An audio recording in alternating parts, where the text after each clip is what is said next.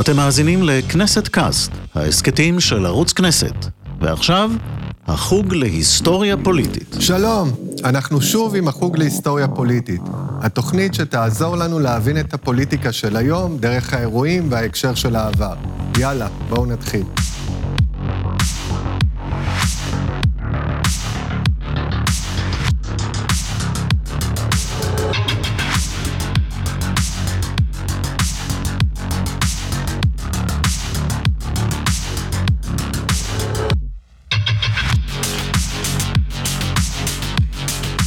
היום אנחנו מעמיקים את המסע שלנו אל מפלגות הימין הקיצוני. האם ניתן למצוא קשר בין מפלגות הימין הרדיקלי כיום, נועם למשל, לימין המקורי, או שזו תופעה חדשה לחלוטין בתולדות הציונות? איך ייתכן, למשל, שמנהיג מפלגת הימין הראשונה, מפלגת הלוחמים, נעשה לימים לאיש שמאל, ומדוע, מפתיע ככל שהדבר יישמע, עד שנת 1979 לא הייתה בעצם שום מפלגה ימנית מעבר לחירות ולליכוד. יאללה, בואו נברר מה קרה. 1949, יוצאי הלח"י מייסדים את מפלגת הלוחמים. אני שמח לארח היום, לארח היום את דוקטור גייל תלשיר מהאוניברסיטה העברית, מומחית לפוליטיקה ולאידיאולוגיה, והיום נדבר על הימין הרדיקלי. המפלגה הראשונה שמתמודדת לכנסת מטעם הימין היא מפלגת הלוחמים, שהיא בעצם מפלגה של יוצאי לח"י. עומדים בראשה נתן ילין מור, יצחק שמיר, שלימים יהיה חבר כנסת, וישראל אלדד. המפלגה הזאת מתפרקת תוך כהונה אחת, ונקרעת בעצם בין שני זרמים, של ילין מור ושמיר, שהיו בעצם מאוד סוציאליסטים, במידה רבה לא פחות ממפא"י, ומצד שני, ישראל אלדד, שייצג את, הל... את הזרם המשיחי, שמדבר על מלכות ישראל ועל דברים כאלה. איפה את רואה את המפלגה הזאת? יש לה קשר למפלגת ימין כזו שהיא סוציאליסטית, שהיא חילונית, שהיא משיחית, אבל מאיזושהי צורה שהיא פחות דתית ויותר תנכית. יש קשר בין מפלגת הלוחמים לימין הנוכחי? תראה, אז קודם כל הקטגוריות האלה של ימין ושמאל, שאנחנו משתמשים בהן כדי להצביע על כל התקופה, זה קטגוריות שהן דינמיות, הן כל הזמן זזות, ומה שנחשב ימין שמאלה זה לא בדיוק מה שנחשב היום. בכלל, הקטגוריה של ימין קיצוני שעליו אנחנו, שעליה כרגע אנחנו מדברים, אנחנו כבר מעוצבים דרך התפיסה של פופוליזם וימין קיצוני אירופאי, והנה אנחנו מתחילים במפלגת אה, הלוחמים, שהיא למעשה מפלגה שהיא מאוד שונה, כי גם מאוד אינטלקטואלית, גם חלק גדול ממה שילין מור אה, למשל עשה, זה היה עורך של כל הביטונים, גם של הלח"י וגם של אה, אחרי זה של, ה, אה, של הפעולה השמית וכולי וכולי, כלומר, יש לנו זיקה אינטלקטואלית מאוד מאוד אה, גדולה, והנושאים הם נושאים אחרים. הנושאים קשורים פעם אחת ליחס לאימפריאליסטים, אם זה הבריטים אה, ואם זה אחרים, ופעם שנייה יחס לערבים שנמצאים פה, ופעם שלישית, איך אתה בעצם מעצב לאומיות שהיא שלושתם חילונים, כלומר, לאומיות שהיא חילונית במובן עמוק, ואני לא בטוחה שאני מסכימה איתך לגבי הגדרה של משיחיות, שאתה שם על אלדד, במובן של השאלה האם משיחיות צריכה להיות דתית או לא.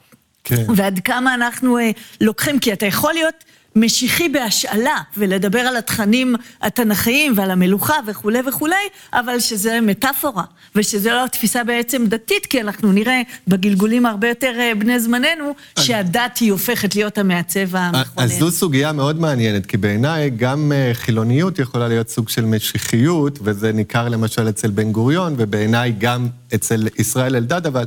זה נורא נכון שהסוגיות של ימין ושמאל היו כל כך שונות, שנתן ילין מור למעשה, שנבחר לכנסת, מה שעניין אותו כאיש ימין הוא להילחם בקולוניאליזם ובאימפריאליזם, ולכן הוא הפך לאיש שמאל כל כך רדיקלי, שהציע להצטרף למחתרת האלג'יראית במאבק שלה נגד הצרפתים, כי אני כאיש ימין לוחם בקולוניאליזם, וזה ימין כמובן שונה לחלוטין מהימין של ימין. נכון, אבל הוא כן מגיע מהמחתרות, כלומר, גם אה, לח"י וה, והפרידה של המאצ"ל, וגם התפיסה של המלחמה, זה אומר גם טרור נגד הבריטים אם צריך, כלומר, יש פה מרכיב מאוד מאוד קיצוני עד כדי אה, נטילת אה, חיי אדם פעם אחת, ופעם שנייה, יחס מאוד מעניין באמת לערבים. זה לא סתם שהם הלכו על ה... על, על שהוא יחס... טוב לערבים, זאת אומרת, כן. הוא יחס שהימין בשעתו רואה בערבים שותפים. למאבק נגד האימפריאליזם והקולוניאליזם, ולא אויבים, ככה שהשמאל היה יותר עוין לערבים מאשר הימין. ולא רק זה, בגלגול יותר מאוחר שלהם, הם ממש יציעו לעשות ברית, גם עם המפלגה הספרדית הראשונה, כלומר, ממש את הניצנים שאחרי זה נראה בברית המקופחים של הימין באופן כללי. הנה, אנחנו רואים פה את הניצנים של המחשבה, אבל מחשבה, כמו שאתה אומר, שהיא מאוד אחרת, ולכן יש לה יחס אחר גם לליברליזם וגם ללאומיות, אבל כן, אני חושבת שזה נורא חשוב, שזה עושה טרנספורמציה לדת כלאומיות, וזה בעצם לא תכנים דתיים. גם המשיחיות שאתה מדבר עליה, היא לא משיחיות דתית, היא משיחיות לאומית, ואנחנו נשאל את עצמנו מתי הלאומיות הזאת הופכת ללאומנות. כי זה, אני חושבת, שאלה דרמטית לגבי הסיפור בין ימין לבין ימין קיצוני. מאוד מעניין לחשוב ולדעת שמאז פירוק מפלגת הלוחמים ועד 1979 אין לנו מפלגת ימין מעבר לחירות ומעבר לליכוד. נשאלת השאלה למה. עכשיו, סיבה מאוד הגיונית ונכונה היא שבגין ייצג גם את הימין הרדיקלי. סיבה אחרת היא שלא הייתה קריאה משמעותית לכיבוש השטחים לפני 67' ולכן אין לך צורך בימין. הימין היה אז כלכלי, ביטחוני, ואז גם אחדות העבודה בשמאל יכולה לייצג אותו. וכמובן שהימין היה חוץ פרלמנטרי. היו מחתר, מחתרות שונות, ברית הקנאים, מחתרת צריפין, שפעלה נגד ברית המועצות. זה היה הימין. אחרי 67', כשישראל כובשת את השטחים, עדיין אין לנו מפלגת ימין, כי הפעילות הימנית היא עדיין חוץ פרלמנטרית, אבל חדשה. גוש אמונים יתחיל להתארגן, התנועה לארץ ישראל השלמה, שהיא שילוב של אנשי שמאל וימין שפועלים מחוץ לכנסת, וה... הפעם הראשונה שאנחנו חוזרים למפלגה שהיא מעבר לליכוד, היא בשנת 1979, התחייה. איך את מסבירה את זה שלא היו מפלגות בתקופה? אז קודם כל, תראה, הנושא שלנו זה ימין קיצוני. ומי שנחשב לימין קיצוני, לפחות מבחינת מפלגה, מפלגת השלטון מפא"י, זה כמובן אה, אה, חירות. בלי חירות ומק"י, בעצם אומר שהם נמצאים במקום של המודחים, שהם אפילו לא פרטנרים אה, להיות חלק מקואליציה. זה ישתנה יותר מאוחר עם אשכול ועם ההכנסה של אה, אה חירות לתוך... אה, אה, לתוך ממש, ממשלה סביב, אה, סביב ששת הימים, אבל הסיפור הגדול זה שהימין הקיצוני מוכתב כאילו זה מפלגת חירות פעם אחת, ופעם שנייה, שוב, אתה כבר שואל לפי העיצוב של הסיפור המדיני-ביטחוני של אחרי כיבוש השטחים, אבל למעשה בתקופה הזאת הימין הוא ימין מסוג אחר, אה, כבר דיברנו על זה, גם הסיפור של הלאומיות, גם הסיפור של היחס לערבים, וגם המקום שבעצם, כמו שאמרת, חירות תופס את המקום של ימין קיצוני, והגוונים הם גוונים אה, אה, מסביב למפא"י. כלומר, הימין הוא בעצם לא מזוהה עדיין בצורה מובהקת עם הסיפור, הימין הקיצוני הוא עדיין חירות בשלב כן. הזה. כן, יש פה את השלב שהזכרת אותו, וזה השלב של המעבר. כי מ-67' למעשה התפיסה גם של משיחיות, שהתחלנו כבר לדבר עליה, וגם החיבור בין ימין לבין שאלת ארץ ישראל השלמה, הופך להיות הרבה יותר אה, אימננטי, למרות שכמובן זה חלק אה, מהתפיסה הבית"רית מההתחלה. אבל פתאום זה הופך להיות העניין המרכזי אחרי הכיבוש של השטחים. אז באמת כיבוש השטחים מעצב את הימין מחדש מבחינה פוליטית, ובואי נעבור למעבר הבא כדי לראות את המפלג... מפלגת הימין הראשונה שקמה בעקבות ששת הימים. 1979, הסכם השלום עם מצרים והקמת התחייה.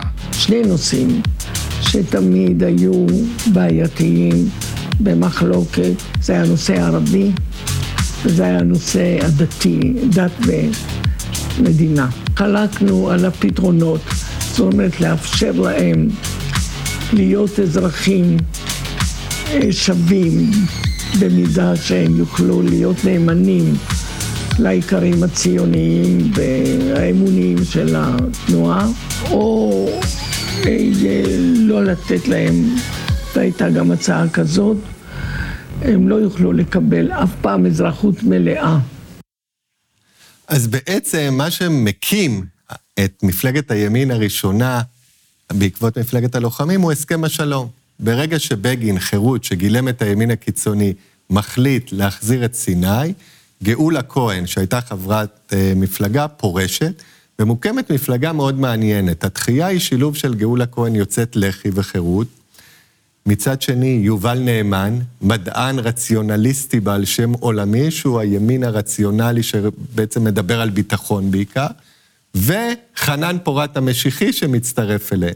עכשיו, השאלה שלי, האם התחייה כשאנחנו מסתכלים עליה במבט מהיום, האם בנט ושקד, כשהם הקימו את הבית היהודי החדש, הם בעצם המשך מעניין ומודרני של התחייה ולא של המפד"ל, או שהתחייה היא סיפור אחר? אוקיי, okay, השאלה מצוינת, אבל בואו רגע נדבר על, על התחייה עצמה, כי הסיפור הזה אי אפשר לספר אותו בלי התפיסה של המשיחיות הגאולית לגבי אה, קדושת הארץ, שהיא הסיפור המרכזי סביב התחייה, ושהגוונים הדתיים בו הולכים ונהיים אה, יותר דומיננטיים, וכמובן אה, הרב קוק בתור הסמן של גוש אמונים, שזה התנועה החוץ פרלמנטרית, שהנה היא עכשיו נכנסת לתוך הפרלמנט, אז זה פעם אחת הכניסה המאוד מאוד חזקה של תפיסה דתית. אמונית לחלק מהמשחק, ותפיסה מאוד מאוד גאולית, שבעצם הגאולה היא אימננטית, ובעצם זה שהשטחים הקדושים לעם היהודי בידינו, בעצם הגאולה מתקדמת. אז זה פעם אחת הרכיב הדתי. פעם שנייה זה באמת השאלה של אה, העיצוב מחדש יהיה מאוד מאוד דומיננטי, יש כאלה שיגידו עד ימינו, אני, אני לא חושבת ככה, אני חושבת שעד לפני עשור, שהסיפור המדיני-ביטחוני ובעיקר שאלת השטחים וארץ ישראל השלמה הופכת להיות המאפיין של מהו ימין ושמאל, והנה מפלגת התחייה בעצם מציעה את האופציה של ארץ ישראל השלמה, עם הניואנסים שגאולה כהן אה, כאן מציעה, אבל היא מציעה אותם כאן ממרום שנותיה. זה לא שבאמת אה, הייתה, כלומר, ותשים לב שהיא עדיין מדברת מדברת על ערבים, לא על פלסטינאים, נכון. למרות שזה טקסט מאוד מאוחר. אבל השאלה שלי, גיל, וזה מתמקד במחקרים שלך, זאת אומרת, אנחנו רואים שהימין מתחיל כחילוני, mm-hmm. כן? כשאנחנו מדברים על מפלגת הלוחמים, זו מפלגה חילונית בגדול, גם אם לדעתי חילונית משיחית, mm-hmm. בפלג של אלדד.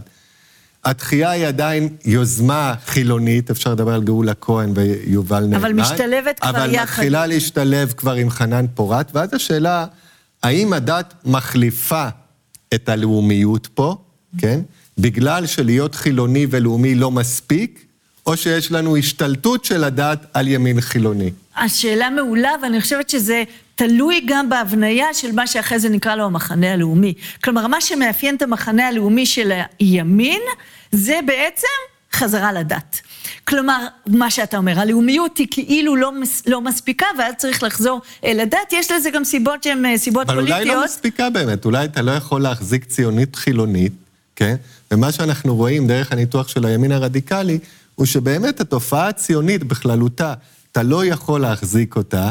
בלי, נקרא לזה, הלהבה הדתית. אז אני כמובן לא מסכימה, כי אני חושבת ש... אתה הרי זה שמגדיר משיחיות גם אה, כמשיחיות אה, כלפי הארץ וכלפי הלאומיות שלה וכולי, ובוודאי שאפשר להחזיק לאומיות אה, חילונית גם מימין וגם, וגם משמאל.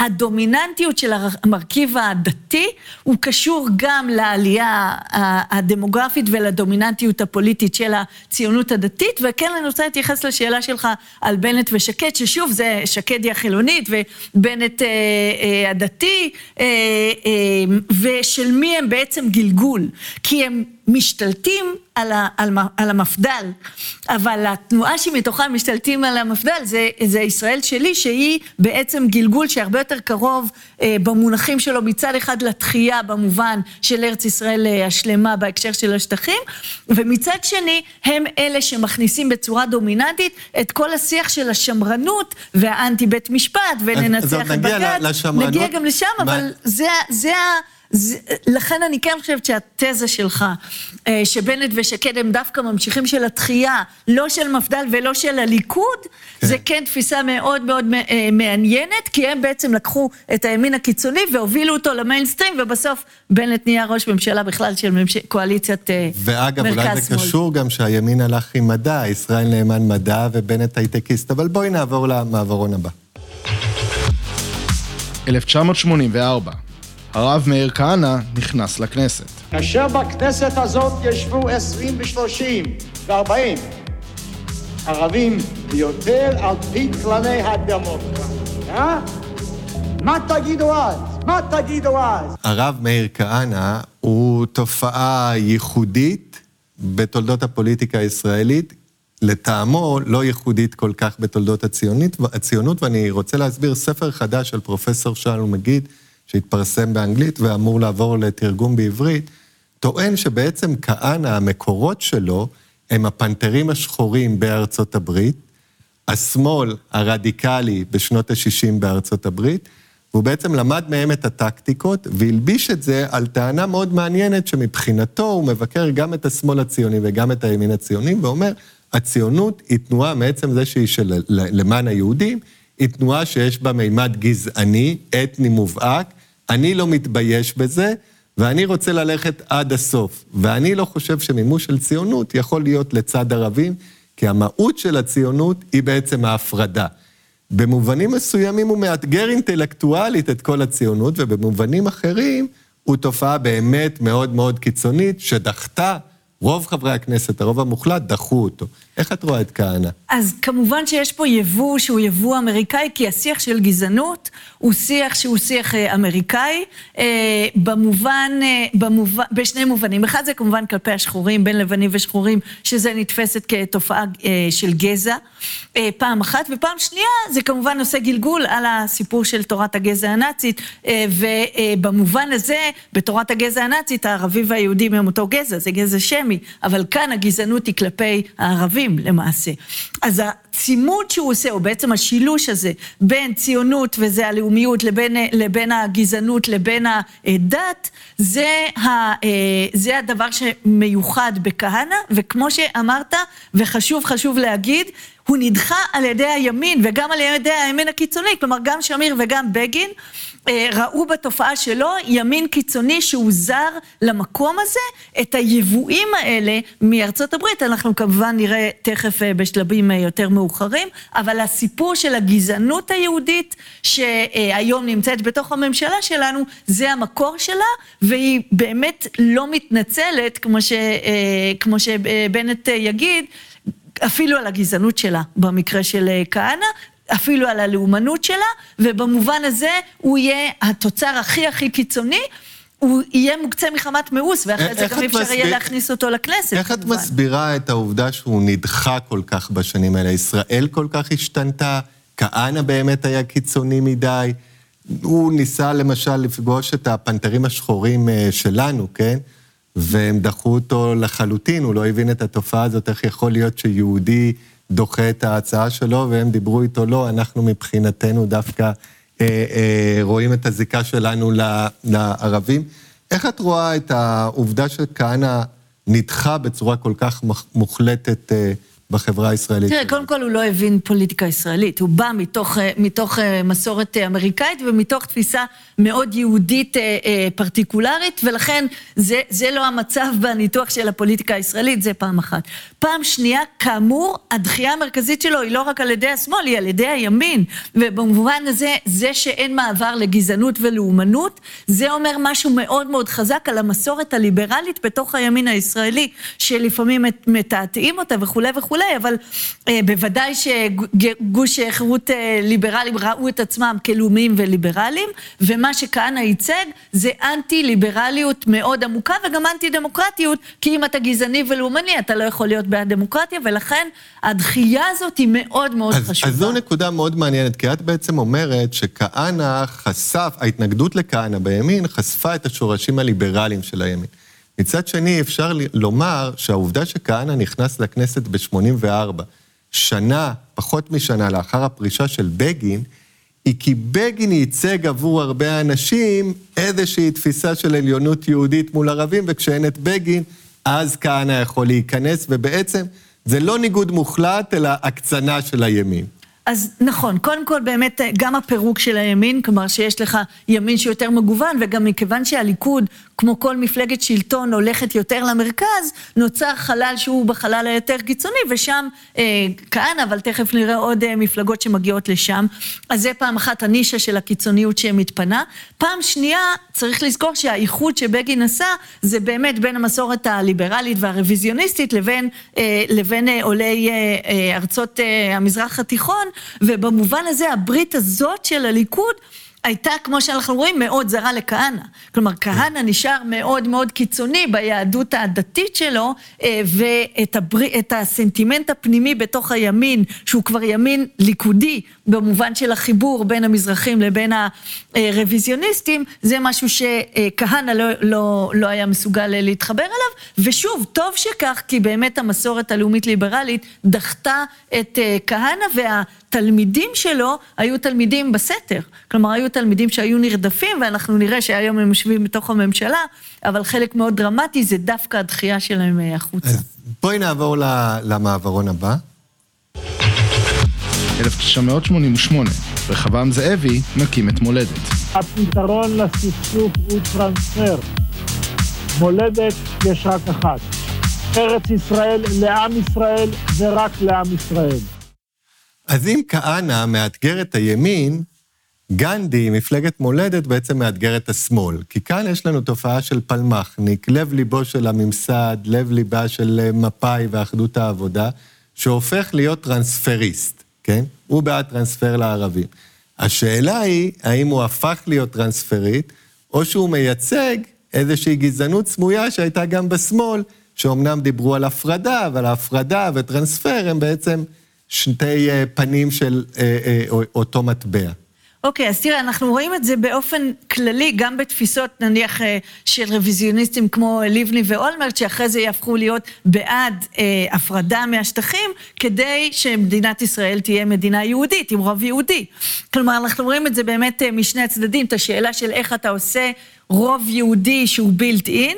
האופציה אחת זה מה שגאולה כהן קודם אמרה, וזה לא לתת אזרחות, שזה האופציה הכי קיצונית שבעצם לא מקובלת חוץ מעל עוצמה יהודית על אה, מפלגות בתוך הספקטרום שלנו.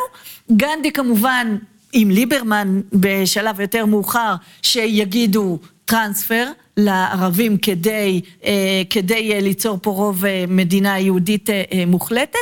אה, וכמובן הטיפוס הזה של גנדי, של הפלמחניק, יש לנו עוד גלגולים כאלה, גם, אה, גם אה, שרון בעצמו וגם גנדי ואולי גם צומת שתכף נדבר עליה, זה בדיוק הטיפוס הזה של תפיסה ביטחונית מאוד מאוד חילונית, מאוד מאוד לאומית, ושמתייחסת אל הסיפור הערבי-ישראלי סביב הסיפור של ההפרדה, ואפשר לעשות אותה, כמו שאמרת, משני הצדדים, הצד של השמאל שיגיד הפרדה בין שתי מדינות, והצד של הימין שיגיד אה, להוציא החוצה אה, ערבים אה, פלסטינים מתוך ה... וזה מעניין שבסופו של דבר גנדי התחיל לחבוש כיפה. זאת אומרת, גם במקרה של גנדי, אם אנחנו אומרים הלאומיות הקיצונית, הלאומיות היותר רדיקלית, החילונית, בסופו של דבר לא מספיקה בלי האמונה הדתית. והוא גם העלה שאלה מאוד מעניינת, כי ההרהורים לגבי טרנספר לערבים כן עלו בתנועה הציונית, גם אצל בן גוריון, אפילו אצל ז'בוטינסקי בשלב מסוים, ולמרות שבגדול הרעיון נדחה אם נעשה אותו בכוח, אלא רק מתוך, אה, אם, אם נוכל לבצע את זה לא בכפייה, גנדי בעצם שם על המפה שבציונות רכש הרעיון הזה של טרנספר. לא רק זה, אתה יכול להסתכל על מלחמת העצמאות ולהגיד שהיה שם גירוש, והגירוש הזה לא היה מרצון. אה, בסדר, קראו, קראו להם אה, לעזוב בכל מקרה, אבל ברור שמאות אלפים אה, עזבו בעידוד, אם לא בגירוש אקטיבי, ובמובן הזה ברור שזה היה חלק מה, מה, מה, מהתנועה הדומיננטית של מפא"י, ושגנדי מבטא את הסיפור הזה, אבל אתה אי אפשר לספר את זה אותו דבר 48 ו-67. כלומר, אחרי שעברנו את 67 ושפחות או יותר הגבולות אה, סביב אה, הקו הירוק אה, מתקבעים מבחינה בינלאומית לפחות, וגם מבחינת התודעה הישראלית, השאלה של הטרנספר הופכת להיות מדיניות גזענית שאין מצב שהשמאל יהיה מזוהה איתה. אז בואי נעבור לתופעה מעניינת אחרת שמייצגת את, הליק... את הימין בשנות ה-90. 1992, הישג השיא של צומת. צומת, לא תרשה לתלמידי הישיבות להתחמק ממילוי החובה להגן על הארץ. לא ניכנע לשום תחתנות פוליטית בעניין הזה, ולא לוותר על עקרונותינו. זו שעה קשה ואנו מתייצבים למען העם. אז צומת ב-92 מגיעה לשיא שלה, שמונה מנדטים, וזה לא במקרה שהיא מגיעה לשיא שלה דווקא כשיש את המהפך הקטן שמחזיר לשלטון את רבין ופרס, כי זה לא מאה אחוז ימין, בוודאי לא הימין של היום. זאת אומרת, מצד אחד הוא מאוד ביטחוניסט, אקטיביסט ובעד ארץ ישראל השלמה. מצד שני הוא בעד הפרדת דת ומדינה, הוא מאוד חילוני. השורשים של רוב חברי המפלגה הזאת הם סוציאליסטיים, והעובדה שבסופו של דבר חלק מהם תמכו באוסלו, בניגוד לאיך שנוטים לתאר את זה תמורת שוחד ומיצובישי והכול, כנראה יש לזה שורשים אידיאולוגיים, כי הימין, הימין, הימניות של צומת היא ימניות מאוד מאוד שונה מהימניות של היום, שיכולה לגלוש גם לשמאל.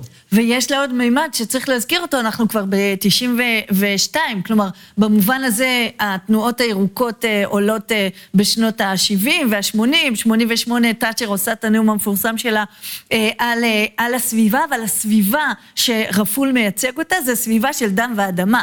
כלומר, זה לא השיח של התנועות האקולוגיות שמתחברות דווקא לרב תרבותיות ולתפיסה של גיוון, אלא דווקא חזרה לתפיסה סביבתית של דם ואדמה, כלומר לאומיות שהיא קשורה גם בעם וגם ב, אה, גם באדמה, ורפול ממש משחק על הסיפור הזה, אה, גם עם הצבאיות. אז היית נותנת לרפול את הקרדיט של הירוק הראשון, למרות שזה לא ירוק במונחים של ימי? לא, זה מניפולציה לירוק. כלומר, זה ירוק שחוזר חזרה לירוק הלאומני, גם של תורות אה, הלאומיות והגזע של שנות ה-30, וזה לא הירוק של התנועות האקולוגיות, אבל הוא בהחלט, בהחלט רוכב על הסיפור הירוק כחלק מהבנייה של האתוס של אה, צומת. ויש עוד וש, נקודה. ושוב, זה אתה צריך לענות על השאלה של החילוניות, כי הנה אנחנו רואים שוב ושוב שהימין החילוני, הביטחוני, הקיצוני הוא מאוד מאוד אה, חילוני, הוא לא, הוא לא מוותר אה, בקלות על הסיפור של ההפרדה אז, מהדת. אז זה בדיוק מתנגש עם הנקודה שכן רציתי לומר, לומר, שצומת במידה רבה גם מייצגת דבר שאני לא בטוח שהיה קיים לפני, והוא מפלגות טרנד. זאת אומרת, צומת הייתה טרנד מאוד מאוד ברור במערכת בחירות אחת או שניים, אה, ואז זה מתפוגג ועוברים לטרנד הבא. והתופעה הזאת של ימין כטרנד, בעצם היא די מתחילה אה, אה, אצל צומת, והיא מתפתחת אחר כך לגבי מפלגות נוספות. נכון, וכבר ליסק והורוביץ מדברים על ההבדל בין מפלגות לוויין, של נניח מפלגות לוויין של הימין הן תמיד מימין לליכוד או לחירות, לבין מפלגות של מפלגות ציר. עכשיו, איפה צומת הייתה בין, אה, האם היא מימין או משמאל ל, ל, אה, לליכוד? נוכל לשאול את זה תכף אה, גם על הבית היהודי ועל מפלגות אחרות. זה חלק מההתלבטות, כי מפלגות ציר יכולות ללכת עם שני הצדדים, אה, מפלגות שהן ימין, הן אה, מפלגות לוויין שרוצות לזקק את האידיאולוגיה אה, של הימין. אני חושבת שהסיפור של ארץ ישראל השלמה, שכאן מאוד דומיננטי, שם אותה במפ... מהצד השני של הליכוד, וכמו שאתה אומר, ברגע, ש... ברגע שהימין כונס למרכז וברגע שנוצר חלל מימין, אז יש שם ואקום שמתמלא, ודווקא רבין בתור מנהיג ביטחוני יעמעם את, ה, אה, את ההצלחה אז, של צור. אז זה, זה מעניין, מעניין להדגיש פה בהקשר הזה של רפול וגנדי, והזכרת את רבין מהצד השני, שבעצם אנחנו מדברים פה על ימין שהמקור שלו הוא מקור של האגף הניצי בתנועת נכון. העבודה. נכון. זה ימין שהוא שונה לחלוטין מהימין הרוויזיוניסטי, והוא מיוצג על ידי דמויות באמת כמו אה, רפול וגנדי. והייתי רוצה אבל לעבור לימין שהוא יותר מובהק, ובואו נעבור למעברון הבא. שנות האלפיים, עליית הימין הקיצוני. הפקרנו את החיילים שלנו, הפקרנו את הלוחמים שלנו שיכו אותם, יזרקו אליהם אבנים, בקבוקי תבערה, ואנחנו לא מגיבים בכלל. חייבים לשנות את המצב. עכשיו, שנות האלפיים בעצם מציעות לנו את הימין שאפשר לקרוא לו ההתחלה של הימין הנוכחי. שזה כבר ימין שהוא הרבה פחות אינטלקטואלי, זה לא ימין של כתבים כמו ישראל אלדד או ילין מור, זה לא ימין של אידיאולוגיות גדולות, זה ימין שבסופו של דבר נשען במידה רבה על האינתיפאדה השנייה, אה, האכזבה או החשש או הפחד והרצון להתמודד עם זה. זה ימין גם שמקבץ דמויות כמו מיכאל אה, בן ארי, ולא אנשים אה, בעלי שיעור קומה, בן גביר מתחיל לצמוח שם, האיחוד הלאומי, תקומה, שזה בעיקר נקרא לו, אני רוצה, אני כבר פה, אני כבר בישראל, ואני רוצה לא לצאת פראייר מול הערבים, ואני רוצה להגיב לפיגועים. איך את רואה את הימין הזה שהוא בהחלט הרבה פחות אידיאולוגי, הרבה פחות, אה, נקרא לו, עיוני? אז קודם כל, כמובן שהוא רוכב עמוק על הסיפור המדיני-ביטחוני, ובעיקר על הפלסטינאים ועל מה שקורה בשטחים. כלומר, זה כבר ימין שכל הכיוון שלו הוא לגבי ההתנחלויות ולגבי השטחים ולגבי הפלסטינאים, ולא לגבי ערביי, ערביי ישראל הם כן ברקע, כי אה, להבה למשל אה, ת, ת, אה, תצא כנגד אה, אה, קשרים בין יהודים לבין ערבים, אבל זה יהיה בשוליים של התופעה היותר מרכזית, וזה נובע גם מהתפיסה מתחילה להשתנות של מה זה המשיחיות. כלומר, אם הרב קוק, בעצם הגאולה הייתה אימננטית, מה שמתחילים לראות בשנות האלפיים ויהיה עוד יותר דומיננטי בהמשך, תכף נדבר על זה, זה למעשה שתמונת הגאולה משתנה. ויש לה שתי פנים, שהן נורא נורא קריטיות להבין את הימין הקיצוני משנות האלפיים ועד ימינו. פעם אחת זה השאלה של הנסיגות. אה, אז אפשר לדבר על נסיגות כבר מהסכם השלום של בגין אמנם, שבאמת אז זה הניצנים שלה, אבל בטח אה, מה שיגיע תכף אה, עם הסכם אוסלו וההתחלה של הנסיגות, שבעצם תגיד איך יכול להיות שיהודים מוותרים על שטח אדמה קדוש. זאת אומרת, זה, זה מעניין וזה נכון גם שבעצם כל פעם שהיה הסכם שלום עם נסיגה עד ממצרים, אוסלו, בהמשך אה, אה, ההתנתקות מרצועת עזה, זה נתן בסופו של דבר פוש מאוד רציני למפלגות הימין להתחזק. נכון, הן רוכבות על הטרור ועל, ועל הדם מצד אחד, ומצד שני, מה שהן רוצות זה, זה תואר גזע, שדיברנו עליו כבר, וזה החיבור המאוד מאוד חזק בין גזענות לבין לאומנות, שפה הוא כבר בלי בושה. אבל אני עוד רוצה לפני הגזענות ותואר הגזע, יש כאן גם את הזרם החרד"לי. מאוד מתחזק, שהיה לפני כן, שהוא, שהוא בעצם חדש פה. Mm-hmm. עד עכשיו דיברנו על הזרם שהוא הדתי-לאומי ממלכתי, ולכן משנות האלפיים את רואה גם דמויות של בן ארי או אנשים שלא שירתו בצה"ל.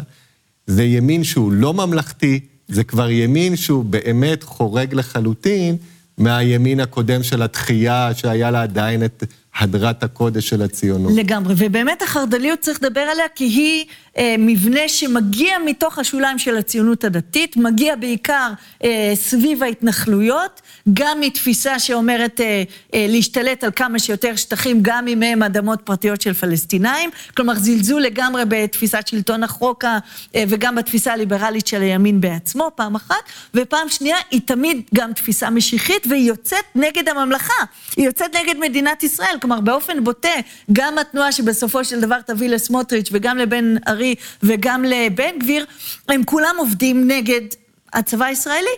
כלומר, יש פה תפיסה אנטי-ממלכתית, אנטי-מדינית, גם כשהימין נמצא בתוך השלטון, עדיין אה, התנועות אה, עומק שלהם, התנועות אה, החוץ-פרלמנטריות, יהיו אה, אה, להעמיק את הכיבוש כמה שאפשר, לתפוס כמה שיותר שטח, ואחרי זה להכשיר אותו באמצעות אה, ממשלות אה, ימין. זאת אומרת שאם אנחנו רוצים לסכם בשלב הזה שמאז שנות האלפיים, כי הימין הרוויזיוניסטי המקורי היה ביסודו מאוד ממלכתי, כן? הוא חד נס, להפך, הוא אפילו יותר ממלכתי ממי שטבע את המושג הממלכתיות בן גוריון. פה יש לנו כבר ימין שהוא לא ממלכתי, לאו דווקא ציוני, כמובן ציוני בעיניים שלהם.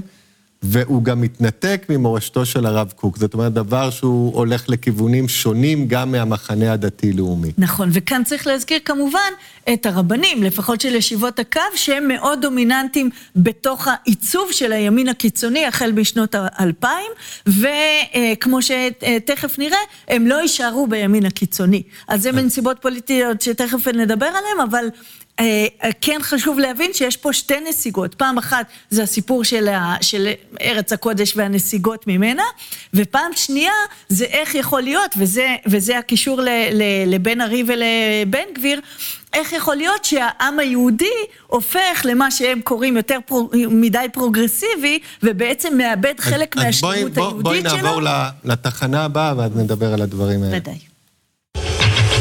2019 אבי מעוז, מייסדת נועם. האם מישהו מאיתנו זוכר מתי התכנסנו כולנו, אזרחי ישראל, והחלטנו כי ראוי שמשרד החינוך יחנך את בנינו ובנותינו שיחסים סוטים בין שני גברים או שתי נשים אינם נורמטיביים ומהווים דגם משפחתי מומלץ? טוב, זה חדש לחלוטין, זה לא ישראלי, זה לא ציוני, הציונות הייתה תנועה שהמימד הפמיניסטי, גם אם בתוך ההקשר הלאומי היה מאוד חזק בה. מה זאת אומרת בעצם לצאת נגד אה, להט"בים, זה טראמפיזם, זה שמרנות אה, ש, שאולה מאמריקה, או שזה השלב שבא אחרי הניאו-קונסרבטיבים באמריקה, אה, יש כאן מרדף אחרי נישואים בין יהודים לגויים. יש כאן בכלל דבר שהוא חדש לחלוטין, שהוא לא יונק מהציונות, איך אפשר להסביר תופעות כמו להבה, נועם, ש... שהגיעו לממשלה בסוף? אוקיי, okay, אז התופעה היותר גדולה בעצם שאנחנו אומרים, תראה, דיברנו על הציר המדיני-ביטחוני כמה שמעצב את התודעה של הימין-שמאל, אבל כאן אנחנו נכנסים לעשור האחרון, שבו הסיפור של יהודית ודמוקרטית הופך להיות דומיננטי, ובתוך זה ההשתלטות בעצם, אם אתה רוצה, של התפיסה של השמרנית לעומת ליברלית. עכשיו, השמרנית הזאת זה לא השמרנות הקלאסית, זה נאו-שמרנות, כמו שאמרת, ואפילו אלט-רייט, אפשר להגיד, שהם יבוא מארצות הברית.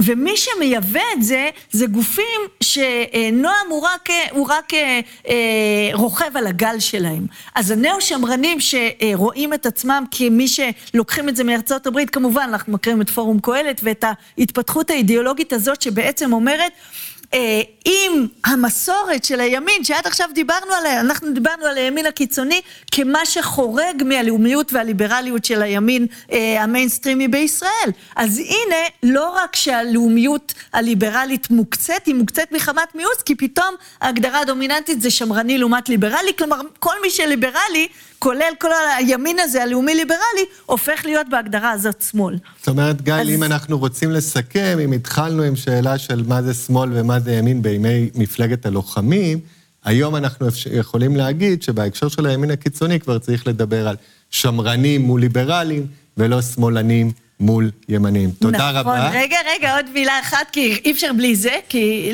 לכאן הגענו. הסיפור הוא שלא נשארים ב- בייהוד השטחים. הסיפור הוא שהגרעינים התורניים, שזה המפעל של נועם מצד אחד והרב שלו, הרב טאו, הוא לחלן את הליברלים של תל אביב. וזה החידוש של הימין הקיצוני שאנחנו נמצאים בו כרגע, לא רק השטחים, לא רק ייהוד הגליל וייהוד הנגב, אלא ייהוד תל אביב. זה הסיפור המעניין כאן. אז עם הבשורה הזו אני נאלץ להיפרד. תודה רבה. תודה לכם, נתראה בתוכנית הבאה.